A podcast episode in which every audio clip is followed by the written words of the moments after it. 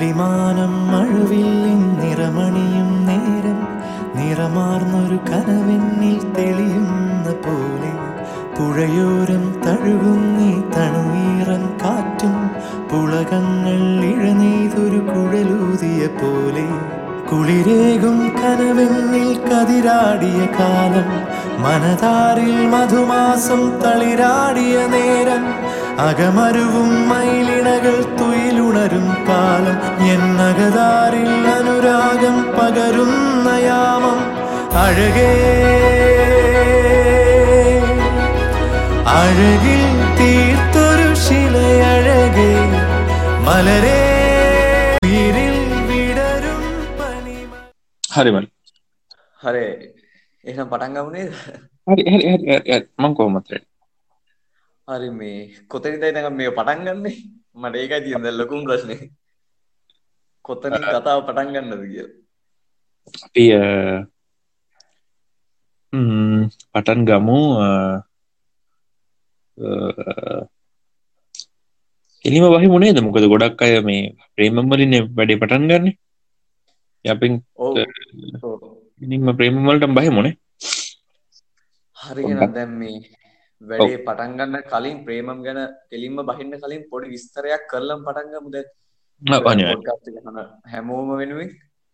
මොකද මේ දැන් මලයාලමට ආදරය කරන මලයාලමට ලව් කරන මේ ගොඩක් කට්ටියගේ ඒ ඇබ්බැහි පටන් ගත්තේ ප්‍රේමම් වලින් අති බහුතරයෙක් ඔව් ඔව් අනිවාර්යෙන් ප්‍රේමම් චිත්‍රපටිය බල්ලා ප්‍රේමම්ට ලව් කරන්න පටන් ගත්ත පාර තමයි මලයාලම් මලයාලම් රසිකයෙක් විදිහට එළියට එන්නේ. ඒක දැන් මේ නවරැල්ලේ මලයාලම ඇතුලේ අර අයිකොනික් චිත්‍රපටයක් විදිහට ප්‍රේමම් අපිට හඳුන්වන්න පුළුවන් උත් ඒක හින්දානේ.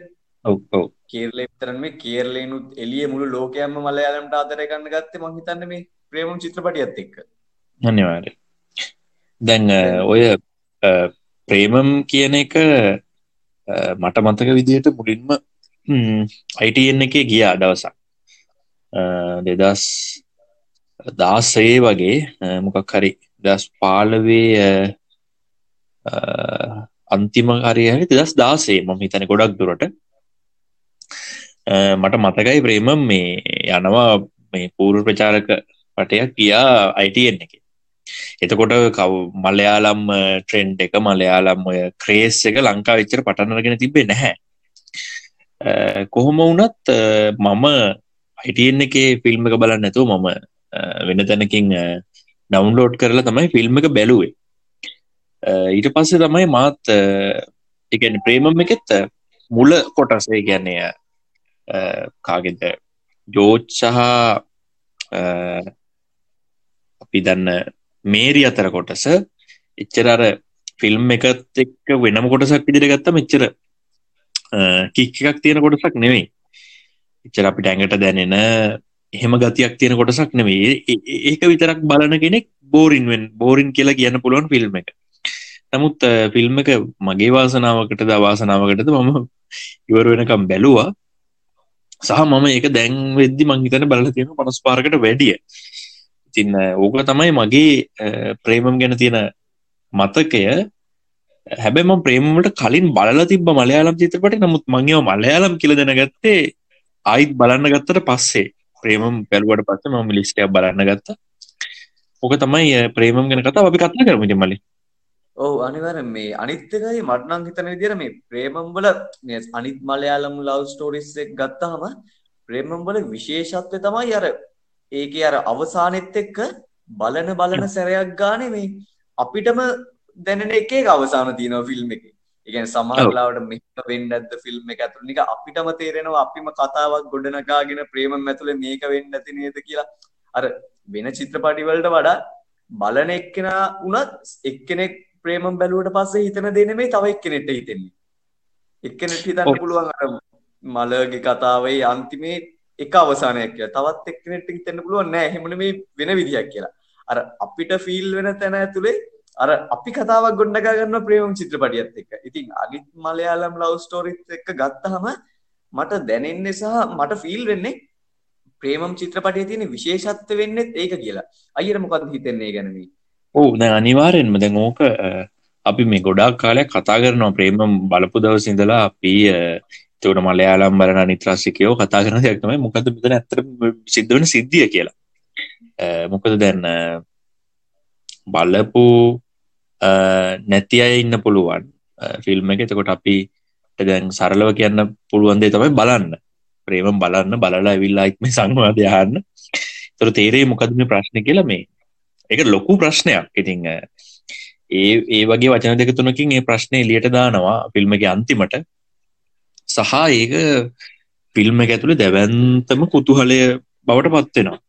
දැන් සාමාන්‍යයෙන් ඔය කුතුහලාත්මක දේවල් එහෙම නැත්නම් ඔය ඩවුට්ස් කියන දේවල් එන්නේ අපි දන්න විදිහට මේ ත්‍රිල ෆිල්ම්ස් වලනේ. ඒකට ඒවට තියරීස් හැදෙනවා, ෆෑන් තියරීස් හැදෙනවා. එහෙම නැත්නම් මේ කොමික්ස් කොමික් බේස්ඩ් වෙච්ච චිත්‍රපටි වලට තියරීස් හැදෙනවා, ෆෑන් තියරීස් හැදෙනවා, බ්‍රේක් ඩවුන් වෙනවා. ඒ ෆිල්ම් මේ ෆිල්ම් ඒවට වෙන වෙන කතා හැදෙනවා. ඒවයි අපි නොදකින කොටස් වෙනුවෙන් කතන්දර හැදෙනවා. සාමාන්‍යයෙන් ලව් ස්ටෝරියක් කියන්නේ හරි සරල දෙයක් කියලා අපි හිතන් ඉන්නේ.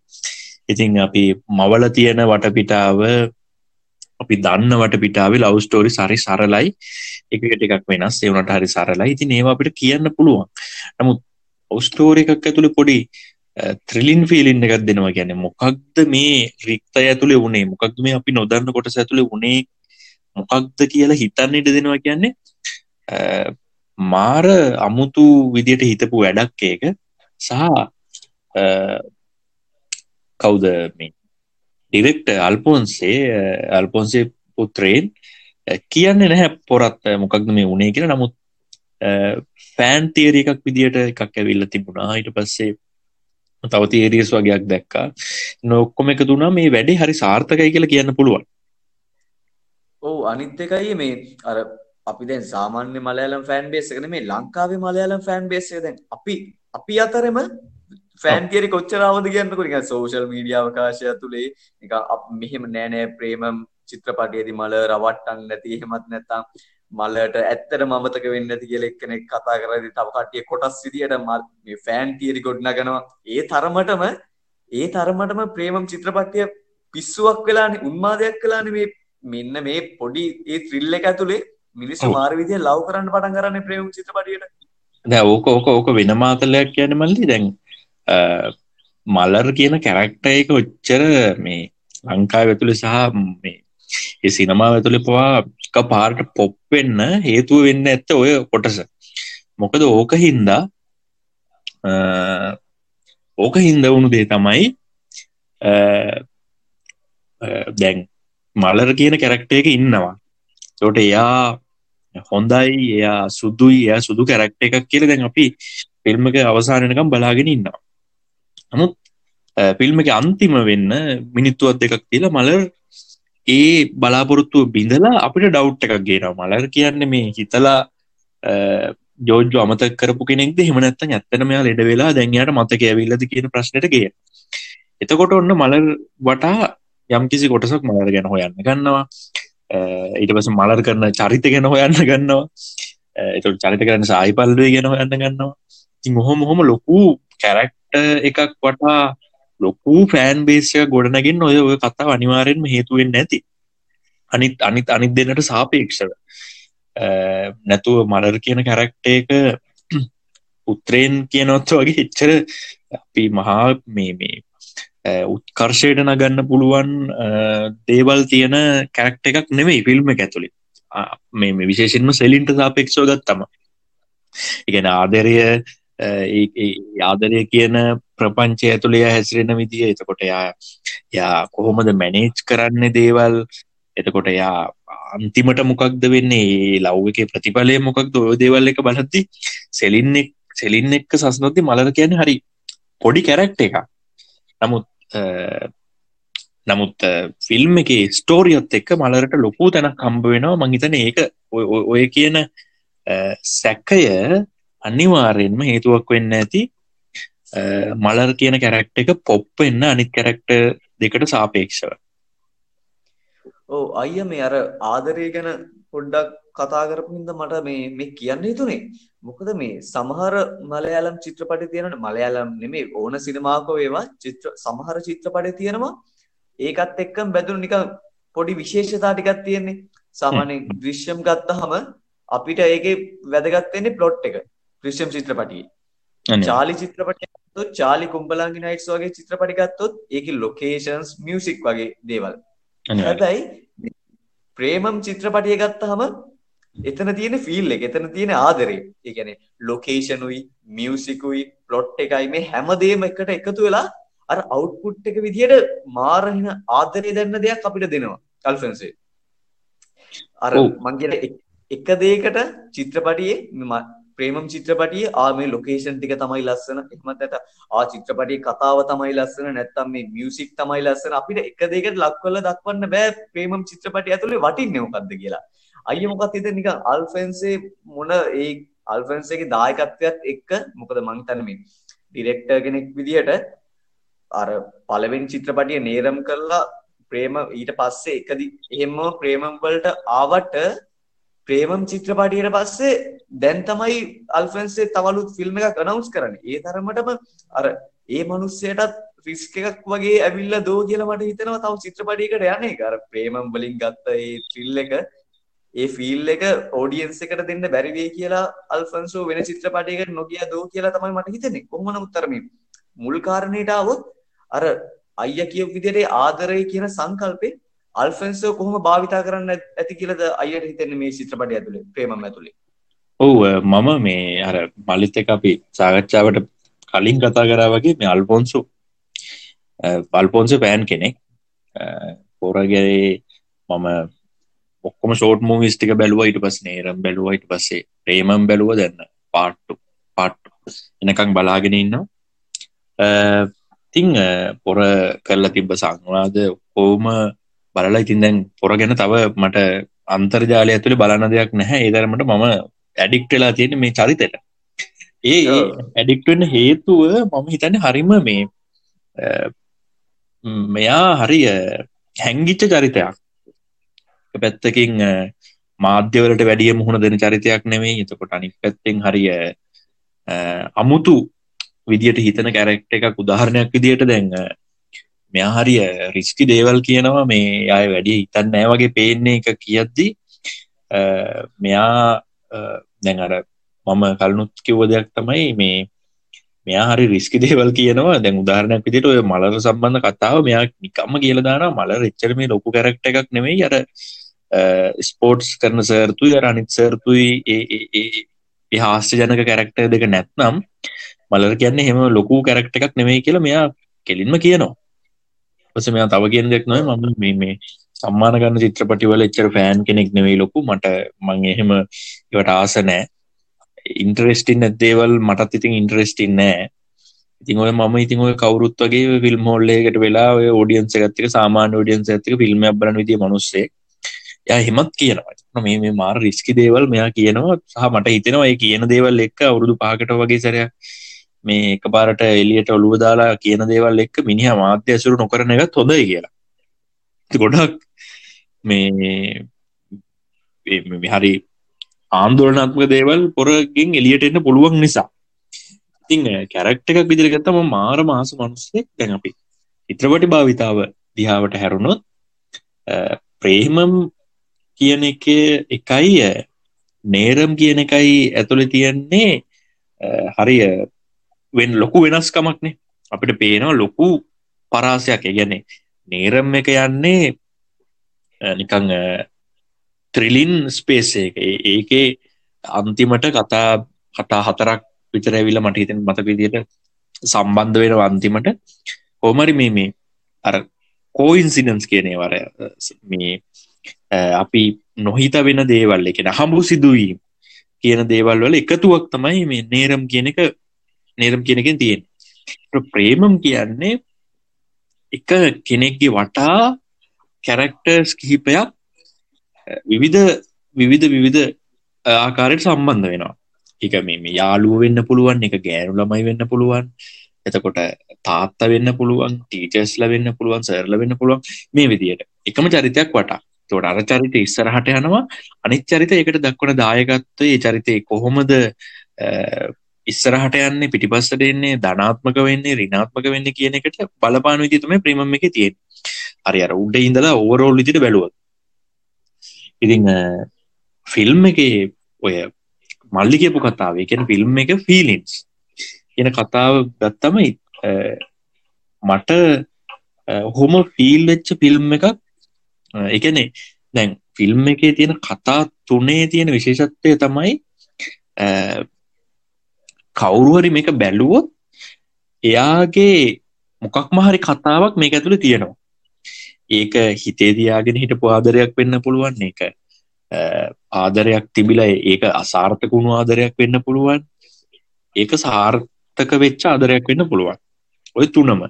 ඔය තුනෙන් එකක් මම විශවාස කරන විදිහට මිනිස්සෙක් ළඟ තියෙන්න ඕනේ. එහෙම නැත්නම් ඒ මිනිස්යාගේ ජීවිතය ගැන මම හිතන්නේ මේ මිනිස්සු ලෙඩේ. ඔය තුන එක කන්න ඩුගානේ එක පාර්ශ්වික ආදරයක් ඇති. ගැන තින් තව කෙල්ලෙක්ට කරපු ආදරයක්වත් තියෙන්න ඕන්නේ කොල්ලෙක් හිතේ. අනිවාර්යෙන් කොල්ලෙක් ඕක බැලුවොත් අර කෙල්ල සමාන වෙනවා මේරිට. අර කෙල්ල සමාන වෙනවා මලට. අර කෙල්ල සමාන වෙනවා සිලින්ට. ඔය තුනෙන් එකක් අනිවාර්යෙන්ම වෙනවා.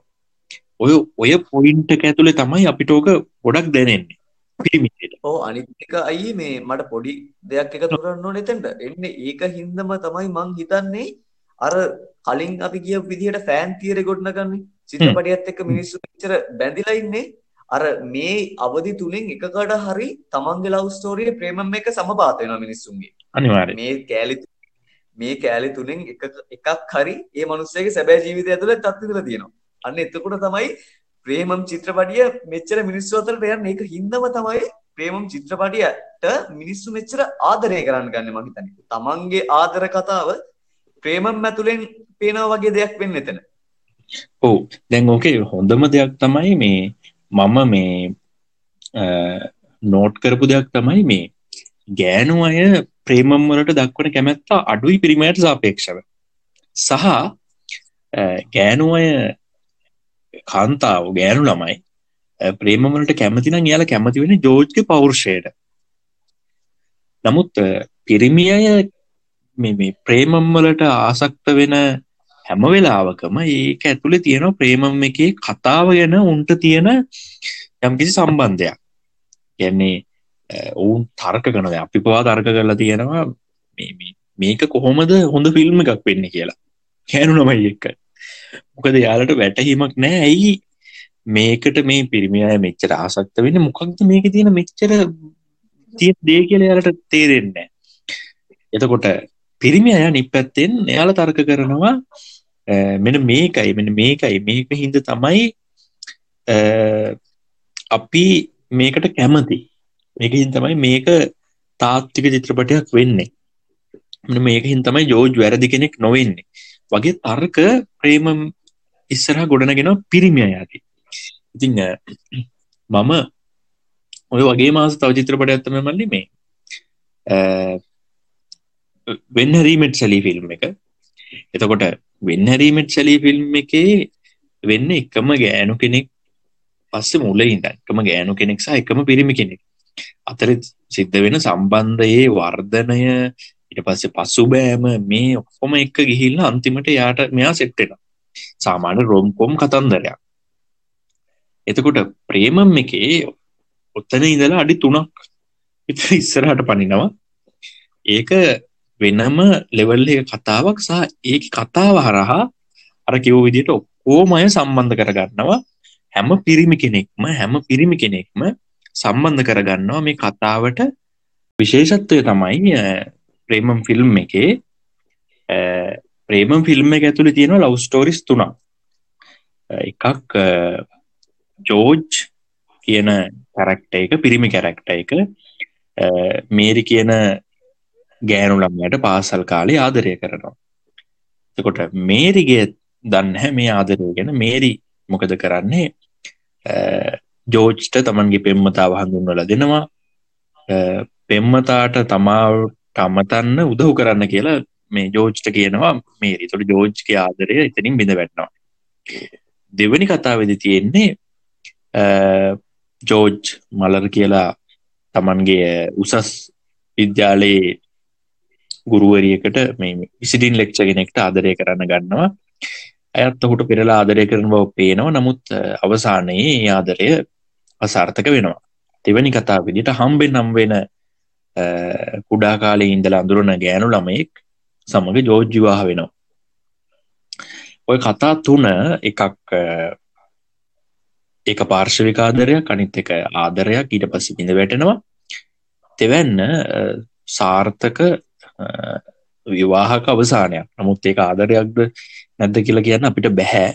ඇත්තටම එතකොට අ, ඔය කතා තුන ඒ කියන්නේ ඇතුළේ අනිවාර්යෙන්ම පිරිමි කෙනෙක් ඔය ඔය- ඔය තුනෙන් අත්දැකීම් ලබලා තියෙනවා. මොකක්ම හරි අත්දැකීමක් එක්ක එක පාර්ශ්වික ආදරයක් වෙන්න පුළුවන් එහෙම නැත්නම් බිඳ වැටෙන ආදරයක් තියෙන පුළුවන් එහෙම නැත්නම් ඔයවත් අ, හිටපු මිනිස්සෙක් එකපාරට පොප් අප් වෙලා ඇවිල්ලා එයාව කසාද බඳින්න සිද්ධ වුණා වෙන්න පුළුවන්. ඉතින් ඔ- ඔය සිද්ධියත් එක්ක මිනිස්සු තමන්ව කම්පයා කරගන්න ගන්නවා. මේ ජෝර්ජ් කියන්නේ මම කියලා හිතන්න ගන්නවා. අපි පවා. මේ ජෝර්ජ් ඇතුලේ ඉන්නේ අපි. ජෝර්ජ්ගෙන් අ, නිරූපණය වෙන්නේ සමස්ත පුරුෂ සමාජය. ඒතර මේ ජෝර්ජ්ට හම්බ වෙන අය ඇතුලේ මේ අපිට හම්බ වෙන අය ඉන්නවා. ජෝර්ජ්ගේ යාළුවෝ ටික අපේ යාළුවෝ වගේ. ජෝර්ජ්ට හම්බ වෙන ගෑනු අය අපිට හම්බ වෙන ගෑනු අය වගේ. ඒකම හින්දා මේ අර ගෑනු අය ජූන් චිත්‍රපටියට වගේ ආස කරද්දි මේ පිරිමි අය ප්‍රේම චිත්‍රපටයට මෙච්චර ආදරය කරන්නේ. ඔව්. දැන් ඕකේ තියෙන හොඳම වැඩේ තමයි මල්ලි කියපු එක මේ ප්‍රේමම් වලට වැඩිය ආදරය කරන්න පිරිමි අය ප්‍රේමම් වලට ආදරය කරන ගෑනු අය ප්‍රේමම් වලට ආදරය කරන ආදරය කරන්නේ ජෝර්ජ්ගේ තියෙන රැවුලට ජෝර්ජ්ගේ තියෙන පෞරුෂයට. ඒ කියන්නේ මේ මේ දෙවෙනි අවධියට ජෝර්ජ් මලර් අවධියට. එතකොට අ, ෆිල්ම් එක ඇතුලේ අ, පිරිමි අය ආදරය කරන්නේ මේ කතාවට. කොහොමද මේරි එක්ක ජෝර්ජ්ගේ කතාව යන්නේ? කොහොමද මලර් එක්ක ජෝර්ජ්ගේ කතාව යන්නේ? කොහොමද අන්තිමට සෙලින් හම්බ වෙන්නේ? ඒකට පිරිමි අය අ, විවාහක පිරිමි අය කියන්නේ තමන් ආදරය කරපු අ, කාන්තාවත් එක්ක විවාහ වෙන්න බැරි වුණු පිරිමි අය සතුටු වෙනවා "ආ, කමක් නැහැ ජෝර්ජ්ුත් සෙලින්වනේ බැන්ද කියලා. අ, එතකොට මලර්ගේ අවදියේ ඉන්න පිරිමි අය සතුටු වෙනවා එක බලලා. හරි මාත් දුක් වෙලා තියෙනවා මලර් කෙනෙක් නිසා. මේ මනුස්සයා දුක් වෙලා තියෙනවා. හරි කමක් නෑ ඒක. එනකොට මේ මනුස්සයාගේ මගේ කතාව සමානයි. ඒකින්ද මේක අයිත් බැලුවොත් වැරද්දක් නෑ කියලා. ඉතින් මේරිලාට කරපු ආදර කතා මේ පිරිමින්ගේ ජීවිතවල අනන්තයි අප්‍රමාණයි.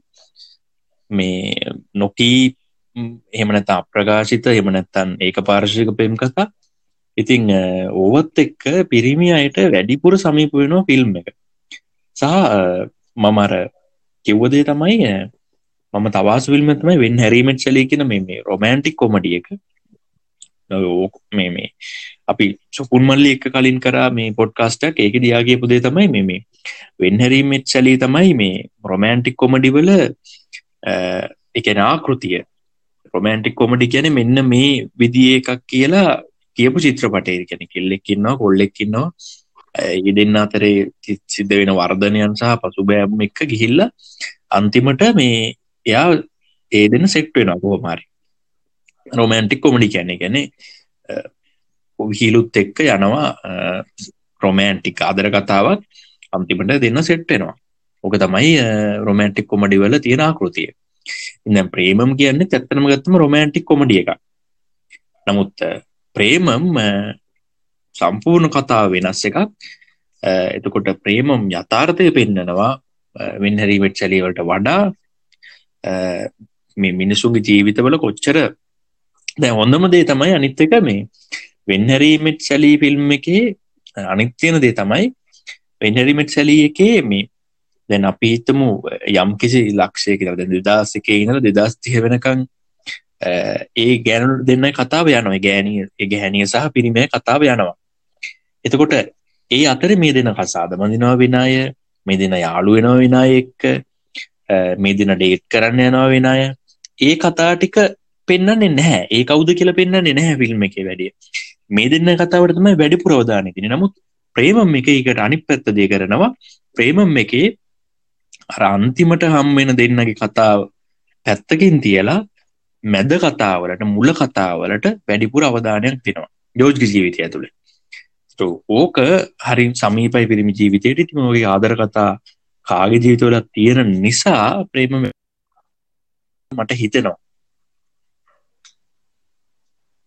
මේ අයි අනිත් එක මට ප්‍රේමම් ගැන කතා කරදි මේ මෙතන කතා කරන්න ඕනෙමයි කියලා මට හිතිච්ච දෙයක් තමයි නිවින්ගෙයි ඒ පල්ලවගේ තියෙන කෙමේස්ට්‍රිය ඊට පස්සේ නිවින්ව අර නළුවෙක් විදිහට ප්‍රේමම් චිත්‍රපටියෙන් ඉස්මතු කරලා පෙන්නපු විදිය මේ මේ දේවල් පැත්ත ගැන.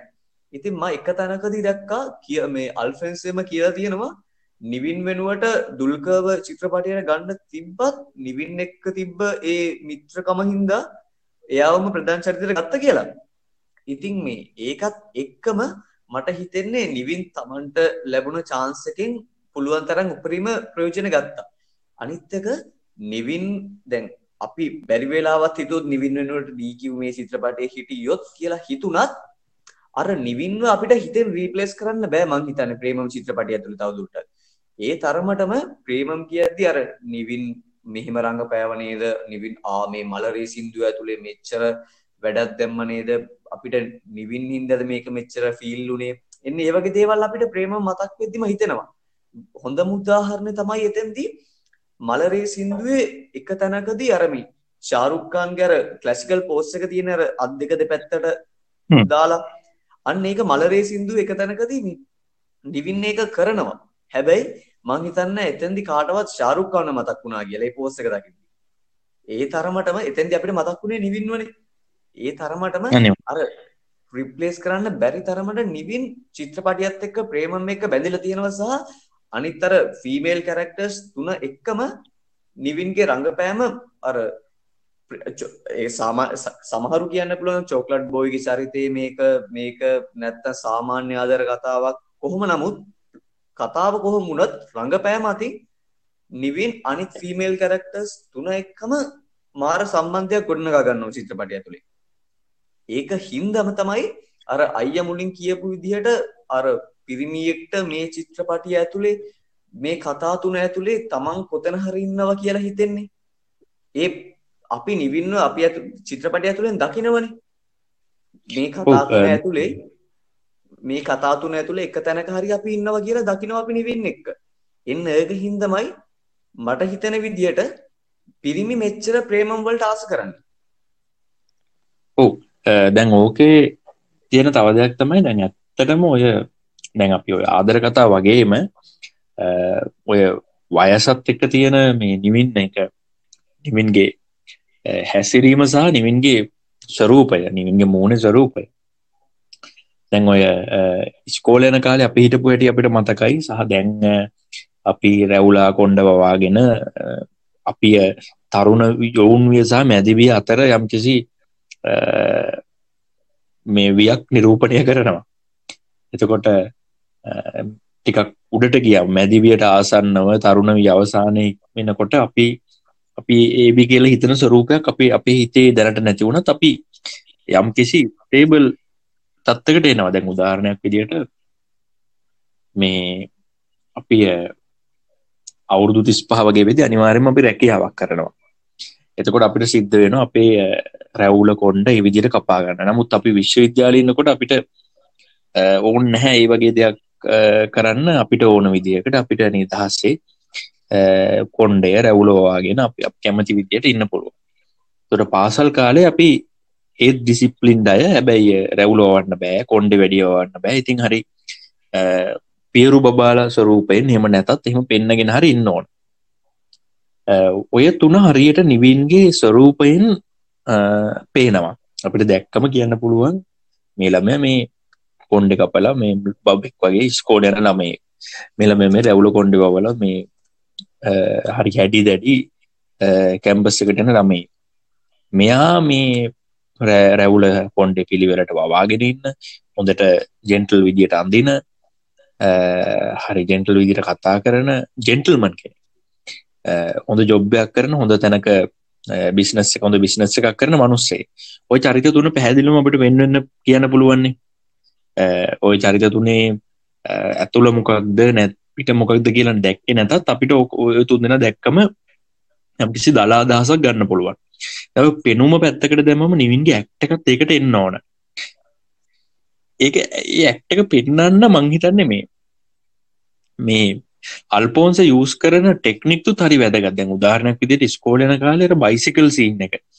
දැන් අපි බයිසිකල් සීන් එක දකින්න නෑ මෙයා කැම්පස් ඇති කොද එයා බයිසිකල් පැද්දත් ඒ අදාලනෑ අල්පෝන්සට මොකද බයිසිකලයක් එක්ක ළමයි තුන් දෙනෙක් කොල්ල තුන් දෙනෙ කතර දෙනෙ යන සීන අපි දකින්නේ අපි අත්විදින්නේ ඉස්කෝල යන කාල.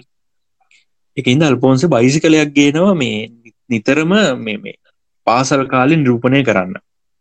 බයිසිකලයක් ගේන එතකොට ඉතනින් එහාට ගියාම බයිකයක් ගේනවා දෙවනියකට දෙවනි ඒජ්ජකට මේ මේ ජෝජ්ක දෙවනි අවධියට ගේන බයික් එක.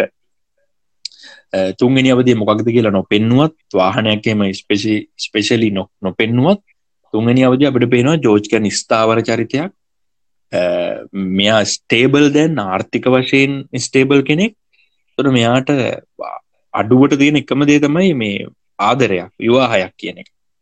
මොකද සාමාන්‍ය සමාජ හිතන්න එහෙමනි දැන්ගටමු සල්ලි ඔයාගෙන තියෙන්නේ මූ දැන් ජීවත්වෙන්න කන්න පුළුවන් තරම රස්සාාවක් ඔයාගෙන තින් දැන්මූට ඕන මේ රස්සාාව හරි පරස්ථාවක් තමයි ඕන. එතකොට ඔය අවස්ථා තුන හරියට මේ මේ කප් එකින් වේශ නිරූපණයෙන් සහ චිත්‍රපටි තින ඉලමන් සලින් මංකිව විදිට බයිසිකල් එක බයික් එක ඒවගේ පොඩි පොඩි ඉලමන් සලින් අපිට දෙනවා. අප ඔලුවට ඉන්ජෙක්් කරනවා. නමුත් ඔය මුකුත්ම වැඩක් නෑ නිවින්ගේ ඇක්ටින් නැත්නම්. ඔය චරිතවලට ඔය වයසට හරියන විදියට. දැන් නිවින් අපිට පේනවා ඒ ඇක්ටක හරියටම කරන දැන් උදාහරණයක් විදියට නිවින්ගේ ඇක්ටක දිහා බලාගෙන හිටියොත් පො මේ පාසල් යන කාලේ අර ප්‍රශ්නයක් ඇහුවම හරියට උත්තර නොදෙන මේ කර අර නිවින් මේ ජෝජ්ක හැමතිස්සම් පාසලන කාල් තියෙන කියලර තොල් තොලත් එක්කර නිකඟර ගණන් ගන්නෑ වගේ ප්‍රශ්නය එක මගාරින ස්වරූපයක් තියෙනවා ප්‍රශ්නයක් ඇහුවම. ආව කොහොම වෙද්දේ? එක හෙම වෙද්දේ? අර ඒ වගේ ගතියක් තියෙනවා.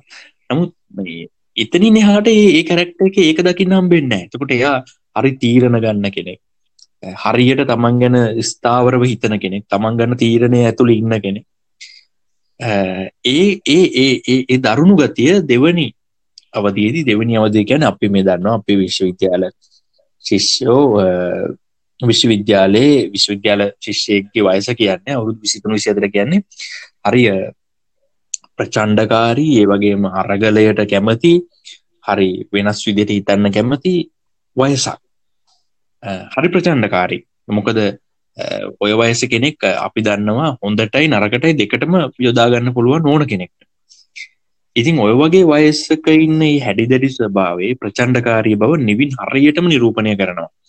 ඒකට කියන්න වෙන වචරන ඒ ඒ චරිතයට ගොඩක් අය ආදරය කරන තරමටම එක තමන්ට සමීප වෙන තරමටම නිවින් ඒ වැඩේ හරිට කරනවා. පස තුන්වෙනි එක නිහරි කාම් විදියට නිවින් හටිට මේ තමන්ගේ ආදරය ප්‍රකාශ කරන්න දන්නවා තනියම. නිවින් ඒවට කාගවත් උපදෙස් ගන්න නැහැ. නිමින්ට කවුරොත් උපදෙස් දෙන්න යන්නෙත් නැහැ කාලේ තමන්ගේ විදියට වැඩ කරන්න කියනවා. එතකොට යා ඒ ආදරේ අහන්න ගන්න වෙලාව ඒකට ඒකට ඒකට සූදානම් වෙන හැටි ඒක එකක් ගෙනැල්ලා හරි හරි හරිම ජෙන්ටල් හරිම හරිම මහත්මා ගති තියෙන මහත්මයෙක් වෙලා ජෝජ්ක චරිතය. එතකොට ඉ ඔය ඔය චරිත තුන ඇතුළේ නිවින් කරන මේ මේ නිමින් ගන්න ආයාසය සහ දේශ නිරූපණයෙන් දෙන කැපකීම සහ චිත්‍රපටේ අධ්‍යක්ෂකවරයා සතිරචකය විදිට මේ අල්පෝන්සේ භාවිතා කරන ඉලමන්ස් මේ කැරක්ට එක ඩිවලොප් කරන්න කැරක්ටර්ස් තුන ඩිවලොප් කරන්න තාමත්ම හොඳින් චිත්‍රපටය පුරාම අපිට දකින්න පුළුවන් ඉතින් මංහිතන්න ඒක තමයි නිවිඩ්ග කැරක්ට එක එන් කැරක්ට එකේ සාර්ථකත් තිතින රහස ඊට පස්සයි මේ ප්‍රේම මට මම මෙතන ඉඳන් පොඩි දෙයක් එකතු කරන්නම්. ප්‍රේමම් චිත්‍රපටියත් එක්ක අර අපිට හිතට එන දෙයක් තමයි මලරේ සින්දුව එහෙමත් නැත්නම් ආලුවා සින්දුව මේ මේ වගේ නිකන් මියුසික් පැත්තෙන් මාර පුෂ් එකක් දීලා තියෙනවා චිත්‍රපටයේ සාර්ථකත්වයට. මොකද මේ සාමාන්‍ය අපි ඒක කුම්බලංගි නයිට් චිත්‍රපටයනුත් දැක්කා. කුම්බලංගි නයිට් චිත්‍රපටියේත් අර මියුසිකල් පැත්තේ මියුසික් ඒකෙන් දැන්න ෆීල් එකත් එක්ක කතාව ඇතුලේ නිකන් අපිත් ඉන්නා වගේ දෙයක් අපිට දැනෙනවා.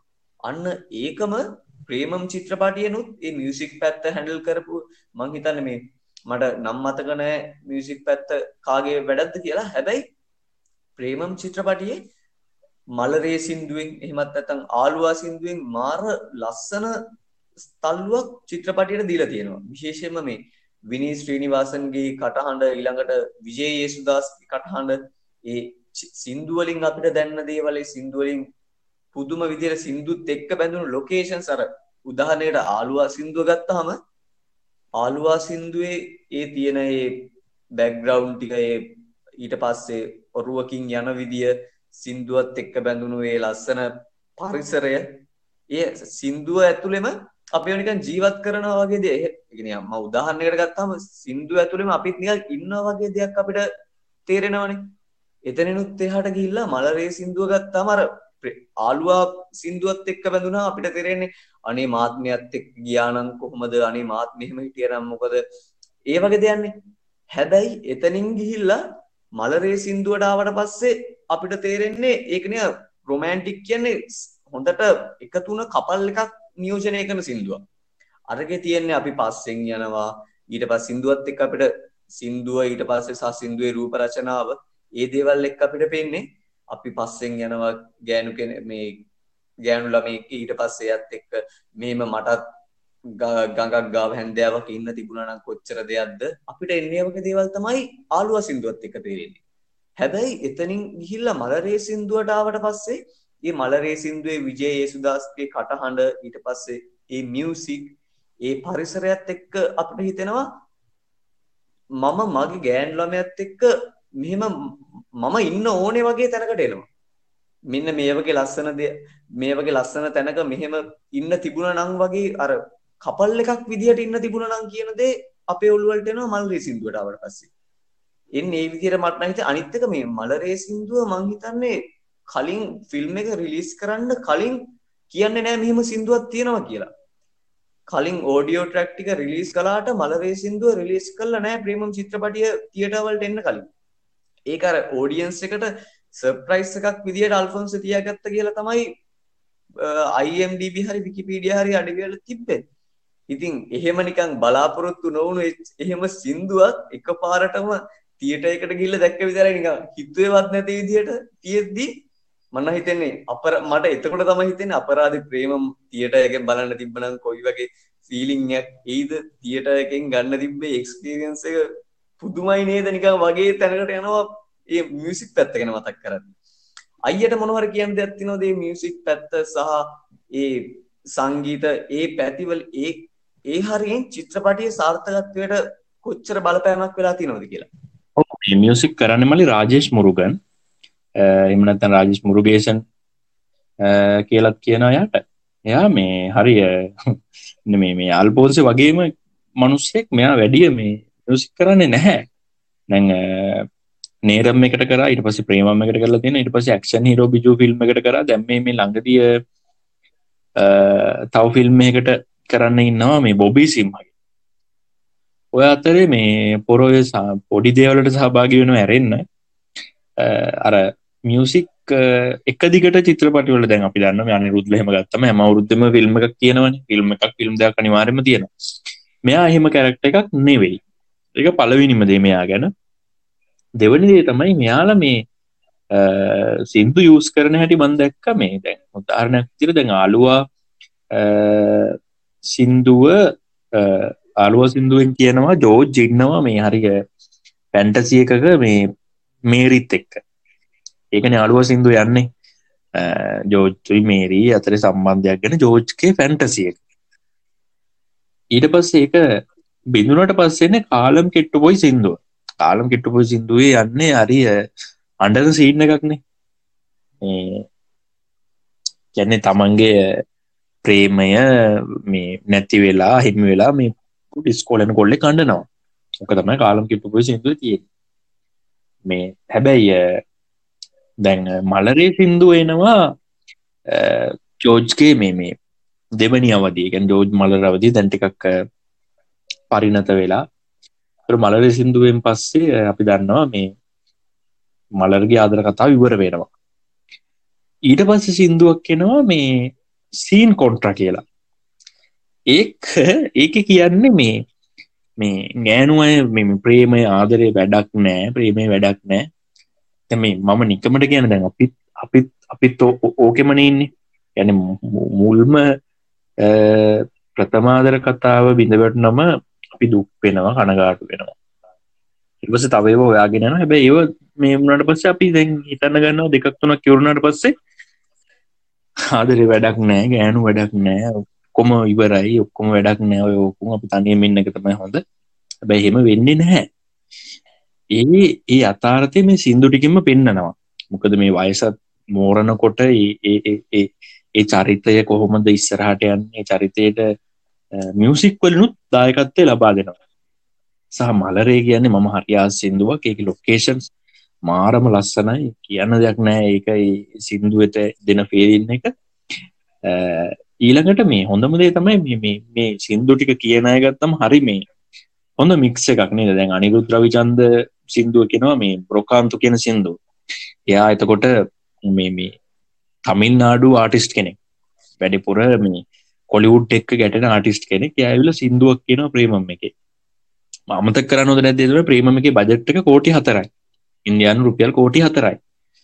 එපස්සේ මේ විජයේ සුදාසින්නවා විනිත් ශ්‍රීනිවාසන ඉන්නවා සබරේශ්වර්ම ඉන්නවා රාජෙස් මුරුගේසන් සින්දු කියනවා අ, මුරලිගෝපී රංජිත් මේ වගේ සෙට් එකක් සින්දු කියනවා. එකොට මේ සින්දු ඔක්කොම ඔක්කොම එකතු කරාම අ, මිනිත්තු විසි තුනක් තියෙනවා සින්දු ටික. ෆිල්ම් එක ෆිල්ම් එක මිනිත්තු විසිතුනක්ම යන සින්දු. බයි සින්දු එකකින්වත් මේ කතාව කතාවට ඩිස්ට්‍රක්ට වෙන්නේවත් කතාවට බාධාවක් වෙන්නේවත් කතාව තියෙන ඒ මේ මේ වයිබ් එක අපෙන් උදුරගන්නවත් නෑ. ඒකට ඒකට පුෂ් එකක් දෙනවා. ඒකට තල්ලුවක් දෙන එක විතරයි සින්දුවලින් කරන්න. කිසිම වෙලාවක හානියක් වෙන්නේ නැහැ. අ, සින්දුවලින් ෆිල්ම් එකට. එමනත්තන් ෆිල්ම් එක බලද්දි අපිට එන සින්දුව සින්දුවේ පිරින්න එකට හානියක් වෙන්නෙත් නෑ. මේ ඔක්කොම හරියට ගානට ගෙනියන් මේ කටේ සමත්වෙලා තියෙන ඉතින් මියසික් පැත්තෙන් ගතම හරිම පර්ෆෙක්් මේ මේ ට්‍රක්ස් ටිකක් තියෙන ෆිල්ම් එක්තම ප්‍රේමම් කියල කියන්න අනිත් එකයි මේ ප්‍රේමම් චිත්‍රපටයේ සින්දු නමෙන් අටක්ම වගේ ලේලා තියෙන්නේ අපිට මේ ජෝජ්ගේ යාළුවෙක් විදිහට චිත්‍රපටය ඇතුළේ මේ ශම්භුග චරිතය ශම්භුග ඔව්, චරිතරම ඔව්. පාන මේ ශබරේෂ්. ශබරේශ්වර්ම ශබරේශ්වර්ම ඉතින් මංහිතන මේ ශබරේශ්වර්මගේ පළවෙනි රඟපෑමත් තමයි ප්‍රේමම් කියන්නේ.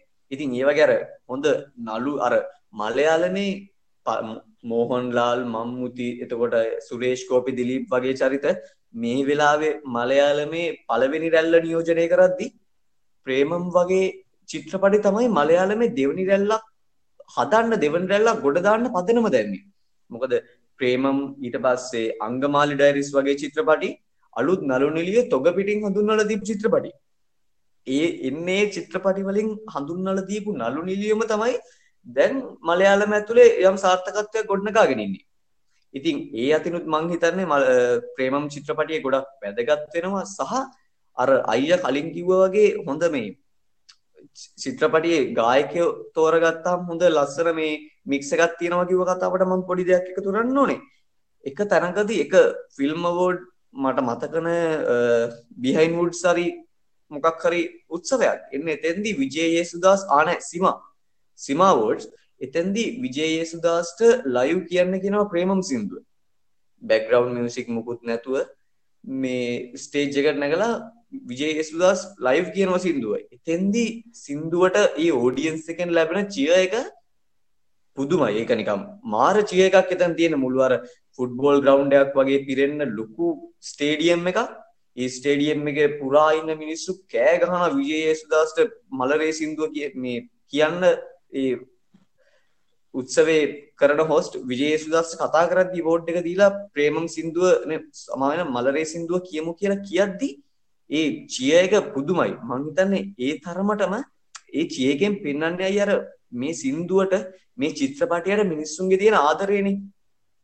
ඒක හින්දම ප්‍රේමම් චිත්‍රපටිය අද මලයාලම් ෆෑන් බේස්ස එක ඇතුළ තැනක තියෙනවනම් එතෙන්ට පුදුම තල්ලුව පුදුම සාර්ථකත්වය දීල තියෙන මියසික් පැත්ත.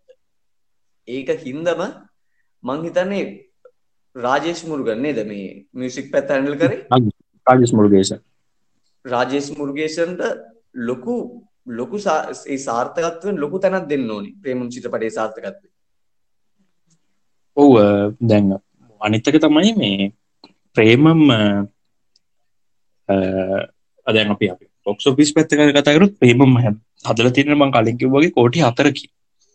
එකට සාමානයෙන් ලංකාවේ මුදලින් ගත්තම කෝටි දහයක් වගේ මුදලා දැන් ඔන්න මන් සමානකරොත් අ, අ, ලංකාවේ පහුගිය දවස්වල තිරගත වෙච තුනාමි ෆිල්ම් එකේ වජට්ටක කියන්න මෙයාලා කෝටි දහයක් කියල. ඊට සමාන අ, ප්‍රමාණයකින් තමයි බජට්ටයකින් තමයි අ, ප්‍රේමම් හැදු එත්තකොට අ, ප්‍රේමම් හොයනවා කෝටි හැටක්. ආසන් වශයෙන් ඉන්දයාතුළ කෝටි හටක් වන මහිතනේ කෝමයි කියන්නේ මේක ඩිජිටල් රයිට් සිට පස්සේ මූවි රයිට් ඔක්කෝමටිකත් එක්ක කෝටි දෙසීයකට දෙසිය පනාකට ආසන්න ගානක් තුන්සියකට ආසන ගානක් හොයලා ඇති. උපද මෙයාල ධර්ම ප්‍රඩක්ෂන් සල්ට තමයි අ, හින්දි රීමේක් රයිට්ස් දීල තියෙන්නේ. එතකොට ප්‍රේමම් ෆිල්ම් එකේ මංහිතන්නය තාම තාම ඩිජිල් රයිට්ස් දීල නෑ මම හිතන්නේ. තාම ඩිජිටල් රයිට්ස් දීල නෑ. තියෙනවා නෙට්ෆලික්ස් නෑ, වෙන්න ඕන නෙට්ලික්ස් නෑ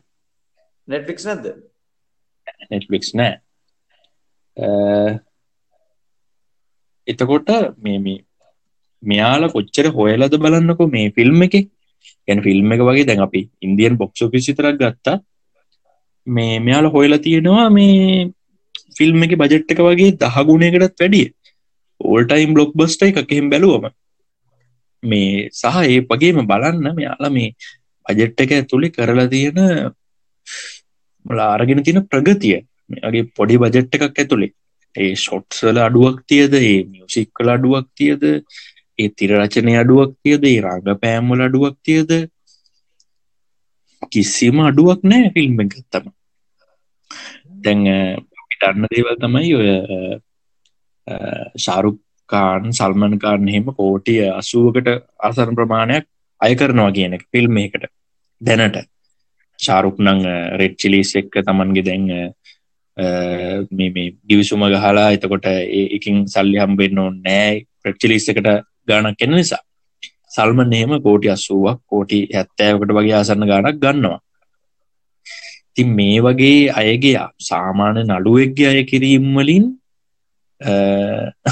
විස්සෙන් එකක වගේ බජට් එකක් මේ ෆිල්ම් එකේම තියෙන් එදකොට මේ වගේ බජට්ටසිකින් මේ වගේ ෆිල්ම් එකක් කරලා පර්ෆෙක්් ෆිල්ම්මයක් කරලා මේ වගේ බොක්සොෆිස් ආදායමක් කරගෙන මංහිතන ලංකාව සිනමාවටත් හොඳ උදාහරණයක් ප්‍රේමම් කියලා කියන්න අනිත් එකයි ඔය ප්‍රේමම් චිත්‍රපටියේ ඒ බොක්ස් ඔෆිස් ආදායම ගැන කතා කරද්දි ෆිල්ම් එක තියටර් එකට ගිහිල්ලා තියටර් එකෙන් සර්ප්‍රයිස් වුණ මිනිස්සුන්ගේ බොක්ස් ඔෆිස් ආදායම නොයි තියෙන්නේ. ඒ කියන්නේ ටීසර් එකක් තිබ්බේ නැහැ.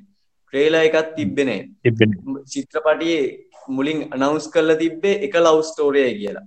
මෙහෙම මේ ප්‍රධාන චරිත ප්‍රධාන කාන්තා චරිත තුනක් ඉන්නවා කියලා මිනිස්සු දන්නේ. මේ මුකුත් දන්නේ නැතුව පළවෙනි දවසේ චිත්‍රපටිය බලන්න ගිහිල්ලා අර චිත්‍රපටිය කලින් අන්තර්ජාලයට නිකුත් වෙනවා පයිරසි වෙබ් අඩියකින් ඒක පැත්තකින් තියමුකෝ අපි.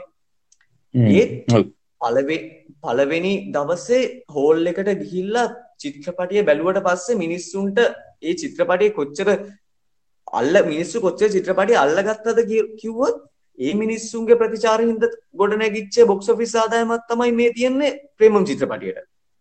ඒක. වෙන මාර්කටිං කැම්පේන් එක අපි දැන් පහුගිය කාලේ ආපු මලයාලම් වාණිජ සිනමාපටි හොඳම උදාහරණ තමයි මම්මුතිගේ මාමන්ගම් චිත්‍රපටිය සහ මදුර රාජා චිත්‍රපටිය වගේම මෝහන්ලාල්ගේ ලුසිෆර් චිත්‍රපටිය. ඒවා කැම්පේන් කඳුනේ. තනිකර කැම්පේන් වලින් දුවපු චිත්‍රපටි. හැබැයි ප්‍රේමම් කියන්නේ එහෙම කැම්පේන් එකක් පත් කරලා එහෙම නිකන් ලොකුවට ඒක දැන් චිත්‍රපටය රිලීස් වෙන 2015 වගේ කාලේ. සෝෂල් මීඩියත් ලොකුවට නැහැ.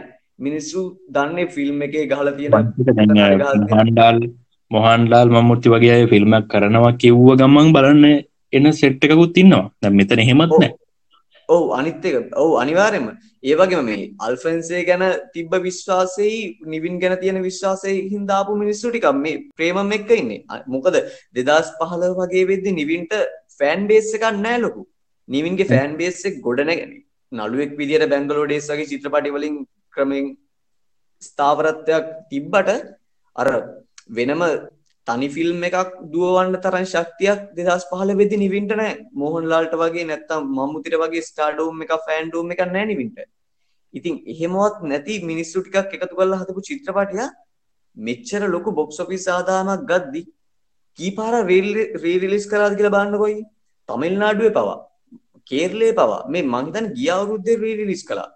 ඒ තරමට ආයිත් ආයිත් ත්‍රීරිලිසයක් යන්න හදනවා. මේ මේ දැන් තාම කේරල ඔපනුන් නෑ තියටස් මන් දැක්ක නිවස් එක ආයිත් රීරිලිසයක් යාවි කියලා බොහෝ දුරට.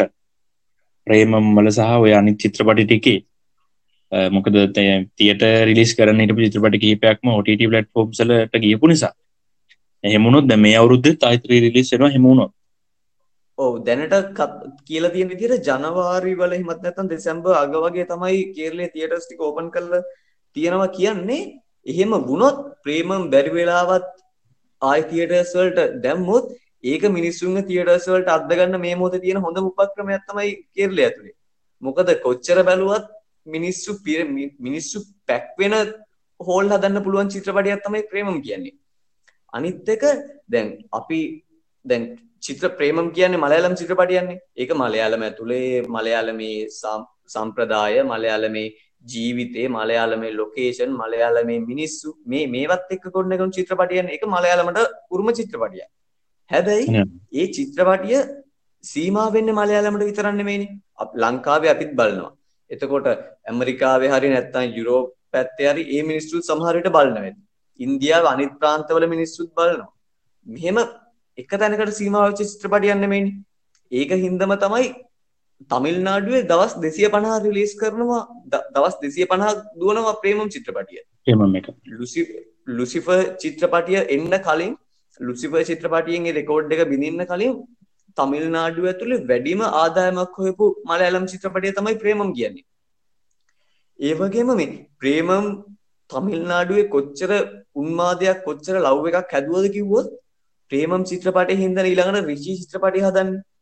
ප්‍රේමම් චිත්‍රපටිය ප්‍රේමම් චිත්‍රපටියෙන් නිවින්ට ම- තමිල්නාඩුව ඇතුළේ කොච්චර මිනිස්සු සෙට් එකක් හැදුනද කියලා කිව්වොත් කෝටි මං හිතන්නේ බජට් එක කෝටි 20ක් විතර රිචි චිත්‍රපටියේ. කෝටි අනිවාර්යෙන්. 20 එච්චර එච්චර බජට් එකක් තියෙන රිචි චිත්‍රපටි හදනවා දෙමළෙන්. මේ ප්‍රේමම් ප්‍රේමම් වලින් දැකපු නිවින්න මිනිස් විශ්වාස කරන මිනිස්සු සෙට් එකක් මත තමයි රිචි චිත්‍රපටි හදන්නේ.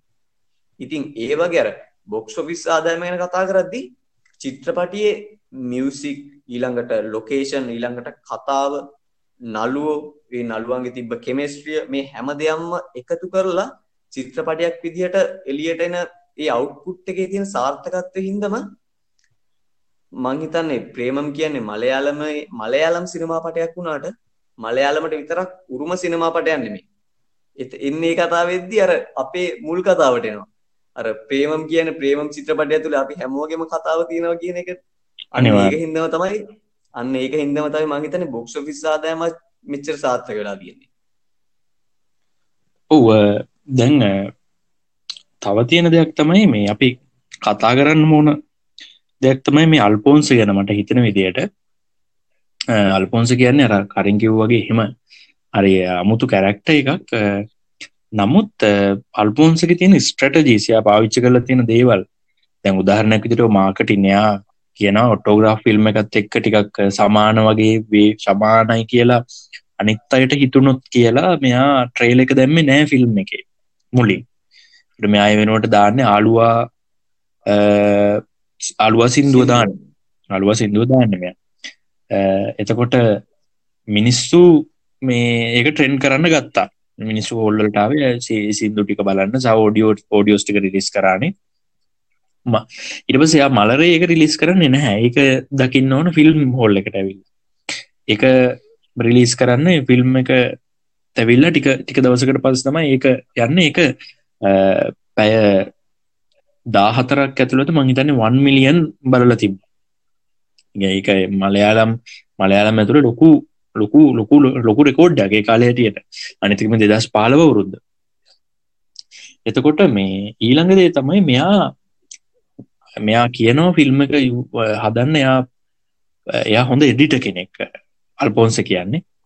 එයා කියනවා මේ එයා අ, අ, දැන් ෆිල්ම් එක ෂූට් කරදදි වෙන දේවලුත් චූට් කරනවා මෙයා. ගැන උදාරණයක් විදිට යෝජ් මල්ල කතා කර කර නිදි මේසවුඩ කෝම්බියක් කෙටියොත් කෝම්බියවත් අ, මෙයාව ගන්නවා ෆ්‍රේම් එකට එඩිට් කරද්දි මෙයා හරි දක්ෂ එඩිට කෙනෙක් මෙයා එඩිට් කරද්දි අරකත් දානවා. ඒක ඒක ඇතුළේ ෆිල්ම් එක ඒ සීන් එක ඇතුළේ තියෙන අර ලයව් බව. අපිට අපි ඒක ඇතුළේ ජීවමානව ඉන්න අපිට කූමියත් පේනවා මේ ෆිල් සීන් එක ඇතුළේ අපිට කෙලවෙන කොලෙත් පේනවා. අපිට උළඟ හෙලවෙන ගස්වලුත් පේනවා මේ සීන් එක ඇතුළේ අර ඒ වගේ දේවල් පවා අපිට හිතනකොට අපි සීන එක තුළ ලයිව් ඉන්නවා කියලා පේනවා. එඩිට් කරද්දි මෙයා ඒඩිටින් ස්කිල්ස් පාවිච්චි කරලා ඒව හරි තැනට ස්ථාන ගත කරලා තමයි මේ ෆිල්ම් එක අවුට්පුට්ටක එන්නේ. එතකොට අර කිව්ව දේ තමයි මේ මේ දැ අන්වර් රශීට් එන්ටර්ටේන්මන් කියන ප්‍රඩක්ෂන් කම්පැනිය එක අ, දැන් මේ අද තත්වට ගේන්න දැන් අත් මෙයාලා මේ අ, ගිය අවුරුද්ධ කරා මේ අපි දන්න දන්නවා ෆිල්ම් එක මේ ට්‍රාන්ස එක කරා. ට්‍රාන්සික ලොකු බජට් වැඩක්. ට්‍රාන්සක තියෙන ලොකේෂන්ස් එකට පාවිච්චි කරලා තියෙන මේවාර මිනිස්සු එකතු කරගෙන හෙම කරපු ලොකු වැඩක්නේ. ලොකු ටෙක්නොලජී එකක් සහ ටෙක්නොලජී එකක් ඔව්. පික්ච කොලිටිය එක. ඒ පික්ච කොලිටිය එක කලස් ඒ බැක්රවන්් හැම දෙයක් එක්කම ලොකු වැඩක් එතකොට ඒ තත්වට එන්න මේ අනිවාර්ම ප්‍රේමම් ලොකූ බලපෑමක් කරන තියෙනවා. සහ ස්ක්‍රිප් එක ගෙන හිදුන්නම අන්වරශී ඩැව්වලු පිස්සුද කියලා. මේ මොනවද මේ මොකක්ද මේ කතාව? මේ තුන් දෙනෙක් මේ මේ මිනිියෙක් තුන් දෙනෙක් ලව කරන මිනිස්සුවට කැමති වෙයිද? අන්න රැහිම ඇහුවල්. එක කියනවා මේ අල්පොන්සේ මේ කියනවා ෆිල්ම් කම්පැනියන් වෙබ්සයිට ඇතක තියෙන මේ සූම් ඉන්ටවිව එක කියනවා. මෙහෙම ඇහුවලු ප්‍රඩියස බැ ෆිල්ම් එක රිලිස් වෙලා එලියටාවට පස්සේ අ, එයා ළඟට වෙල කිව්වලු අ, ඔයා එක කලා එක තමයි අ, මේක තමයි මිස්සරට යන ට්‍රෙන්ඩ් එක කියලා.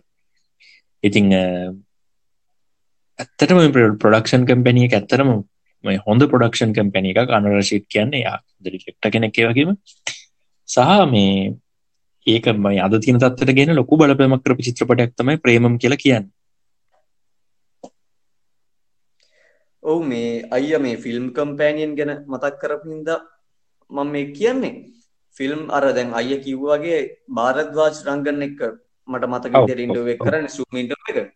ඒ ඉන්ටර්වයුව එකත් මේ මේ පොඩ්කාස්ට් එක අහන හැමෝටම ඒ ඉන්ටර්වයුව එකත් බලන්න කියලා අනිවාර්යෙන් මතක් කරනවා. මොකද මේ අපි සාමාන්‍යයෙන් හිතන් ඉන්න ප්‍රේමම් චිත්‍රපටියේ අපි දකින දෙයට වඩා ලොකු දෙයක් ඒ සූම් මීටින් එක ඇතුලේ කතා වෙනවා. අනිවාර ප්‍රේමම් චිත්‍රපටියට කොහොමද අල්ෆන්සගේ බලපෑම සහ අල්ෆෙන්ස මොනවගේ චිත්‍රපටියක්ද ප්‍රේමම් ඇතුළේ අල්ෆන්සට දැන්න විදිර කළින් කියනදේ මේ සූමීටින් එක ඇතුළේ භාරද්දාචක ගොඩක් ලොකුවට කතා වෙන අල්ෆන්සෝ. ඒක හින්දම මේ මට මතක් වුණ දෙයක් තමයි අනුපමා චොප්‍ර එක පාරක් කියන දෙයක්. මොකදම භාරද්වාජ රංගන් එක්කම ෆිල්ම් කම්පෑනියන් එක ඉන්න තවත් විචාරක ඉන්නේ අනුපමා චොප්‍ර. අනුපමා චොප්‍ර ප්‍රේමම් ගැන කියද්දි ප්‍රේමම් ප්‍රේමම් චිත්‍රපටය කියන්නේ මොකක්ද කියලා අහන ප්‍රශ්නයට අනුපමා චොප්‍රගේ උත්තරය වෙන්නේ මේක විශුවල් පොයම් එකක් කියලා. ඒක ඇතිනේ අපිට හිතන මේක විශුවල් පොයම එකක්. නික විශුවල් පොයම්මයක් කිව්හම් නික අපිට තේරෙන් එකම් මේක නිකම් පරිපූර්ණයි. මේක සියට සීයම්ම හරි. මේක නිකම් ලොකු කතන්දරයන්නේ විශුවල් පොයම්මක් ඇතුළේ පොයම්ගේ පච ඇතුළ තියෙන්නේ. ඒක හින්දා මට දැනෙන විදියට අනුපමා චොප්‍රගේ විශුවල් පොම් කියන වචනය ප්‍රේමම් චිත්‍රපටියත් එක්ක සීරසියක් හරි. සහ මේ අල්පෝසෙත් කියනවනේ දුය මේ ප්‍රේමම් කියන කවියක් කියලා? එත් කියනවර ෆිල්ම් කම්පෑනියන්න එකම කියනවා මේ මට ඕනුනේ කවියක් වගේ මේක හදන්න මේක මේ ගලාගෙන යන කවියක් වගේ. මේ කියලා එයත් කියනවා මේ යා කියන තව දෙයක් තමයි මේ එයා මංහිතන්න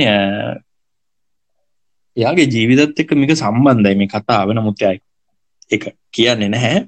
නමුත් එයා මලර්ව මලර්ව උඩට අප මලගේ චැරක්ට එක අනිත්තය පරාද කරලා උඩට අපපු ගෙන චර සතුටකින් කතා කරන බොක් පේන්නේ නැහැ. එකට හේතුව මොකක්ද කියලා මම දන්න යායකට කැමති නොන වෙන පුළුවන්. එමනතගේ අවංක යාගේ අදහස කියෙන වෙන්නත් පුළුවන්. නමුතේ සංවාද බලද්ද හොඳරම තේරනවා යා කැමතින එච්චර මලර් කියන චරිතය උඩටාවට යා බලාපොරොත්තුන සෙලි සෙලින්ගේ චරිතය උඩට එන්න. එයා කියන මලර කියන්නේ ඇත්තට මෙම යා කියන කතා හරි. නමුත් ඒක කියන ටෝන් එකත් එක මට නිකං හිතන දෙයක් තමයි ය කැමතින එච්චර මේ මලර කියන චරිතයට නිකං එක හේට් කරන්න හදපු චරිතයක්ද දන්නේ නැහැ කියලා මට හිතෙනවා. ඕ එයා එතෙන්ද කියන්න මේ මල ඒ අවදියෙන් මල සහ ජෝජ් අවදියේදී මල ටීචගේ චරිතයට වඩා එයා ඉස්මතු කරන්න හැදුවේ මේ ශිවන්සගේ විමල්සගේ චරිත දෙක් කියලා. හැබැයි මේ හිතුව හිතුවේ නැති විදිහට මලගේ චරිත ඉස්මතුනා කියල් තමයි මේ ෆිල්ම් කම්පැනියන් එක ඉන්ටර්විකෙත් කියන්නේ.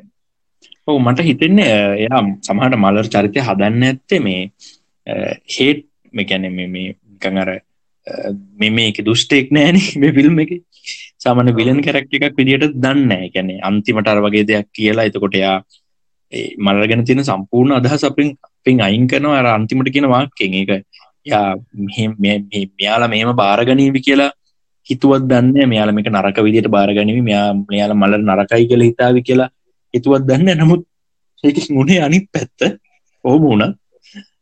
මලර කියන්නේ මරි ඉන්ස්පිරේෂන් එකක් වුණා. මේ මේ නිලියන්ට පවා උදාහරණයක් විදිට මේ මල්ගේ කැලෙක්් කැරක්ට එක මේකප් එක ඇතුළේ මහා දෙයක් නෑ. ඒ කුරුලෑ පවා පේනවා මේ පල්වගේ මොන තියෙන. එතකොට අර තාත්තික සිනමාව පැත්තෙන් දැන් අපි ලවස්ටෝරියක් කෙ හිතාගෙනට මරි ලස්සන කෙල්ලෙක් ලස්සන කොල්ලෙක් විශේෂයෙන්ම ලස්සන කෙල්ලෙ කොල්ලා කොච්චර කැතවුණත් ලස්සන කෙල්ලෙක්කින් නොට මොකද තමිල්නාඩු සිනමාවේ දකුණ ඉන්දයන සිනමාව හෙමන තියෙන එතකොට මොහන්ලා ඔවු මොහන්ලාට ඔවු රජනිකාන්ත වුණත් පොච්චර වයස ගිටියත් සෙට්ටෙන ලස්සන කෙල්ලෙක්. ලස්සන කෙල්ලෙක්. මොහන්ඩාලට වුණත් එහෙමයි. එතකොට දැන් ඒවත් එක බලද්දිය මලර්ගේ කැරක්ට එක හරිම වෙනස් මේ මානයකට ගෙනියනවා සහ මේ මේ චිත්‍රපටකරුවන්ට වුණත් අලුත් විදිකට හිතන්න මේ කැරක්ට එක ඇයි අපිට තාත්තික කරන්න බැරි කියන තැනට හිතන්න ලොකු වෙනසක් කරනවා මේ ප්‍රේමම් ෆිල්ම් එක මේ කැරක්ට එක. නිතින් එක බලාපොරොත්තු නොවනා වෙන්න පුළුවන් මේ උත්තරයෙන් නමුත් ඒක හෙම වුණා. ඒවගේ මල කැරක්ට එක මේ ඊට පස්සේ ඩිරෙක්ටර්ස් ලට පවා පූර්ව දර්ශයක් වෙලා තියෙනවා. මම එක මේ මනෝරම නිවස් පේප එකත් එක කරපු ඉන්ටව එකක් වෙන්නන මට හරිට මතකන එක එක තැනකදී කියනවා ඩිරෙක්ටර් කෙනෙක් මට මතක හැටියට කියන්නේ මේ බ්‍රදර්ස්ටේ මේ දෙදස් දහට අවුරුදු බ්‍රදර්ස්ටේ චිත්‍රපටය කරපු ලාල් වෙන්න ඕනේ එතැන්දි කියනවා මේ එයාට ඕන්නේ මල වගේ පෙම්වතියක් හදන්නලු තමන්ගේ චිත්‍රපටිය ඇතුළේ චිත්‍රපටිය සහ ඩිරෙක්ටව හරියට මතකනෑ මල වගේ පෙම්වතියක් තමන්ගේ චිත්‍රපටියට චිත්‍රපටිය තුළ හැදෙන්න්න තමයි සහ හදන්න තමයි එය උත්සාහ කළේ කියලා කියනවා. ඒ කියන්නේ අල්ෆෙන්සේගේ ඒ තිබ්බ අල්ෆෙන්සේ ගොඩ්නගපු මල කියන චරිතේ කේර්ලේ ඕඩියන්ස් එකට සහ ඒ තරුණ පරම්පරාව තුළේ පුදුම විදියට හයිප් වෙනවනේ. පුදුම විදියට තරුණය අතරම අර සායි පල්ලවි කියලා ගත්තාම අපිටම පේනව නිකන් ලොකු ලස්සනක් නෑ ලොකු මේකප් එකක් නෑ ලොකු ලස්සන ෆිග එකක් නෑ. සාරිය ඇඳගත්ත කෙට්ටු අර හිනාවත් තියෙන ලස්සන එන කිව්ට් හිනාවත් තියෙන සාමාන්‍ය චරිතයන් සාමාන්‍ය ගෑන් ළමයගේ චරිතයන්නේ මලගේ ඇතුළින් අපිට පේන්නේ. එන්න ඒවගේ අර කලින් අය කිව්වර පොලිවුඩ් ආభాසය අර ලොකු ලස්සන ගෑන් ළමයෙක් ලස්සන ෆිග එකක් එන්නේ ආభాසය තිබ්බ මලයාලම් සිනමාවත් අර සාමාන්‍ය ගෑන් ළමයෙක්ගේ චරිතෙන් සාමාන්‍ය පෙම්වතියෙක්ගේ චරිතෙන් ඒක මලයාලම් සිනමාවට එකතු කරන්න ප්‍රේමම් චිත්‍රපටිය ලොකු පිටුහලක් වෙන්න ඇති අනිවාරය අනිවාරය අනිවාරය ඒ කාරි මල්ලි කාරි එකන මේ මල්ගේ කැරක්ට එක ගොඩක් සමීපයි. කැන් දැන් අපිය අපිට හම්බුවෙන ගෑනු ළමයි අපිට සාමාන්‍ය ජීවිතයේදී හම්බුවෙන අය හරි සාමාන්‍යයනේ සාමාන්‍ය සුදක් තියෙන සාමාන්‍ය ලස්සනක් තියෙනය නෙවෙයි. ලස්සනය ඉන්නවා. ලස්සනයි කියලා අපිය හිතාගෙන ඉන්නවනේ. මෙන්න මෙතන ඉර මෙන්න මෙතන සාමාන්‍ය මෙන්න මෙතනින් එහාට ලස්සනයි කියලා. අපි සාමාන්‍යයෙන් හිතේ ඉරක් තියාගෙන ඉන්නවනේ.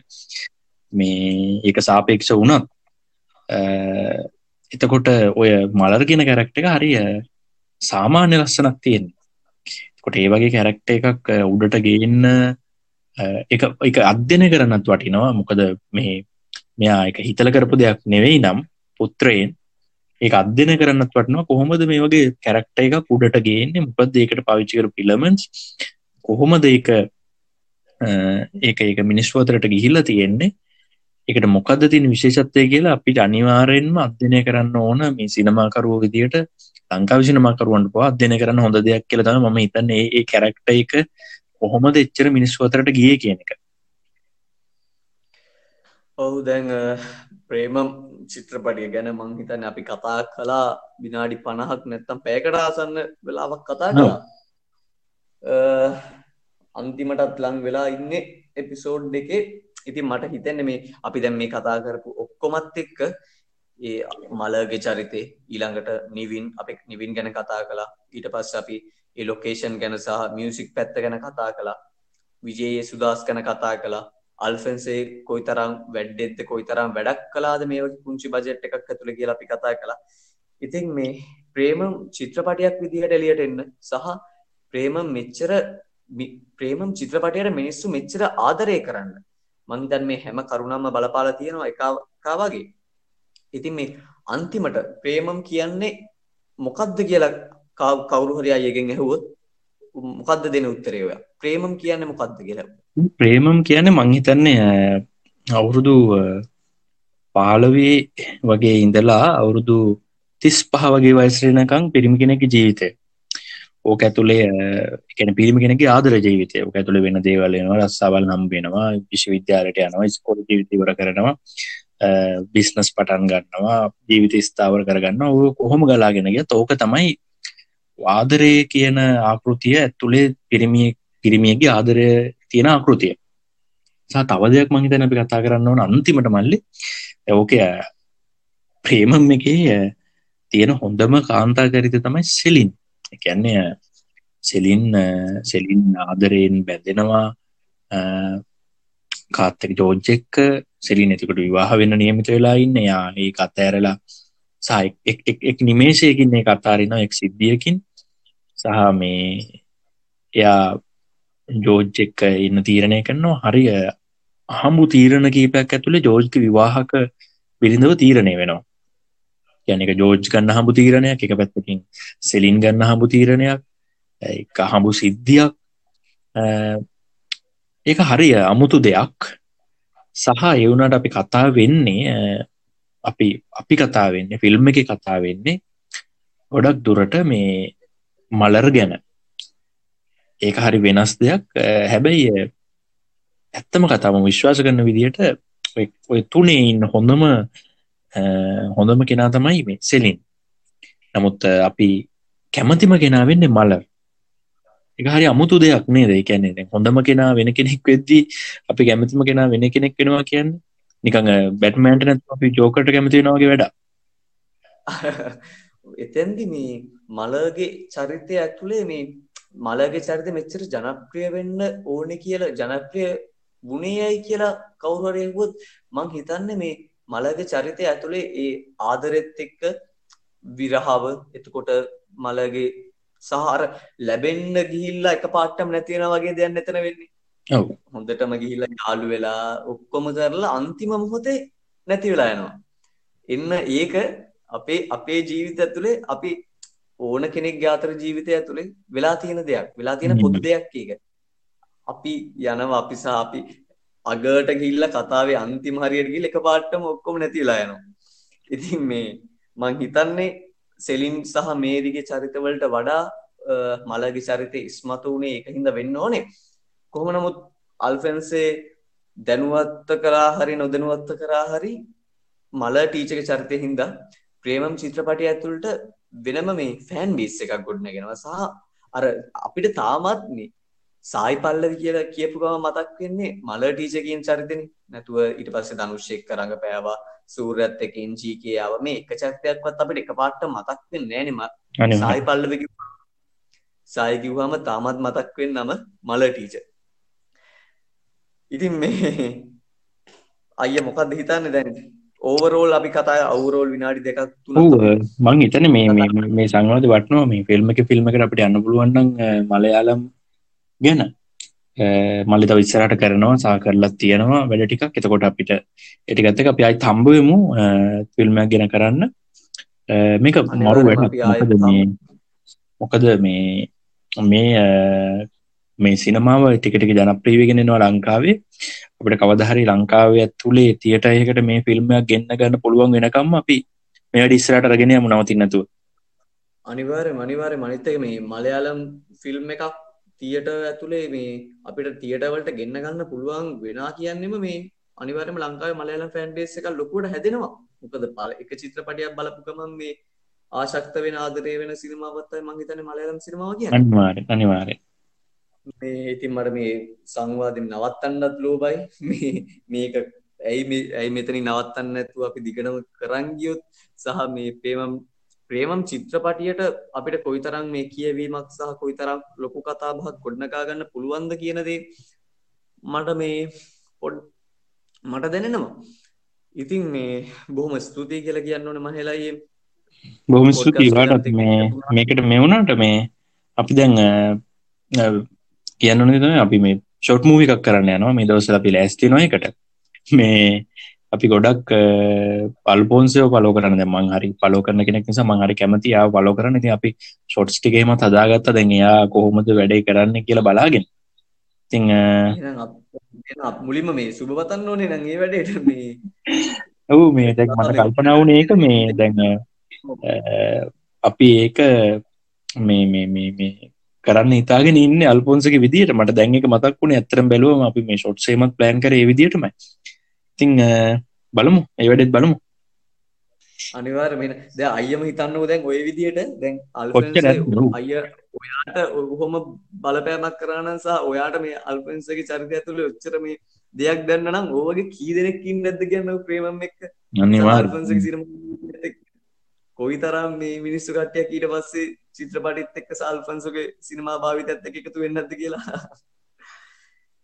අනිවාර් මේ ඒ හැම දෙයක් මෙනුවෙන් සහ ස්තුතිවන්තයන අයට පොඩ්කාස්ට් එක එක් එකතුනාට සයිස්සරහ අය ෂෝට් ෆිල්ම් එක සහ මන්දන්නවා මේ තිරපිට පතක් ක්‍රියාගෙනනව කියලා චිත්‍රපටයකට. සහ නවල් එකක් එක තියෙන මන්දනුවත්ත ඔවු. ඉතින් ඒ හැම වැඩකටම හැම වැඩම්ම සාර්ථක වෙන්න කියලා සහ හැම වැඩම්ම නොම්බර එකට හරියන්න කියලා කෙලිම කිව්ව සුභ පතනවා.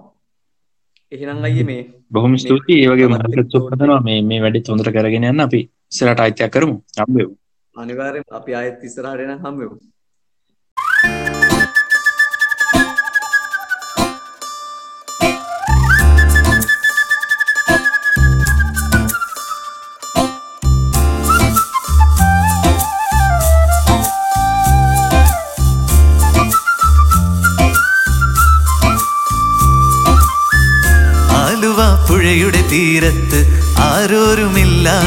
നേരത്ത് തന്നനം തെന്നി തെന്നി തേടി വന്നൊരു മാർഗഴിക്കാറ്റ്.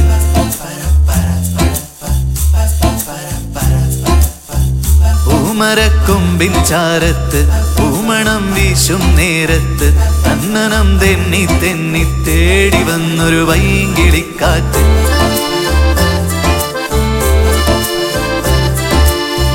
പറയാതെ പള്ളിയിൽ വെച്ചൻ കരളിൽ കേറിയൊളിച്ചവളെ പതിവായി പല പല വട്ടം മനസ്സിൽ ചൂളമടിച്ചവളെ. പറയാതെ പള്ളിയിൽ വെച്ചൻ കരളിൽ കേറിയൊളിച്ചവളെ പതിവായി പല പല വട്ടം മനസ്സിൽ ചൂളമടിച്ചവളെ. ആദ്യമായുള്ളിനുള്ളിൽ പൂത്ത പൂവല്ലേ. സമ്മതം തന്നാൽ നിന്നെ താലി കെട്ടിക്കൊണ്ടുപോവില്ലേ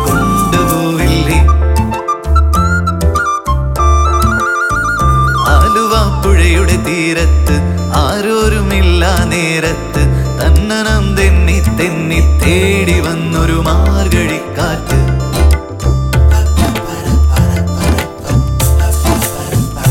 പൂമരക്കൊമ്പിൻ ചാരത്ത് പൂമണം വീശും നേരത്ത്. തന്നനം തെന്നി തെന്നി തേടി വന്നൊരു വൈകിളിക്കാറ്റ്.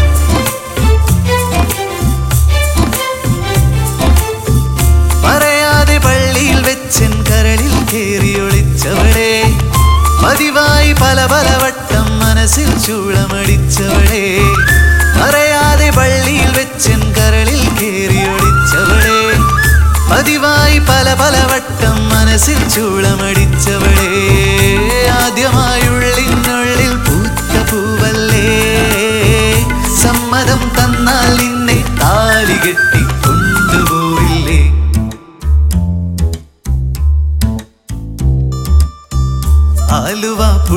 തീരത്ത് ആരോരുമില്ല നേരത്ത് തന്നനം തെന്നി തെന്നി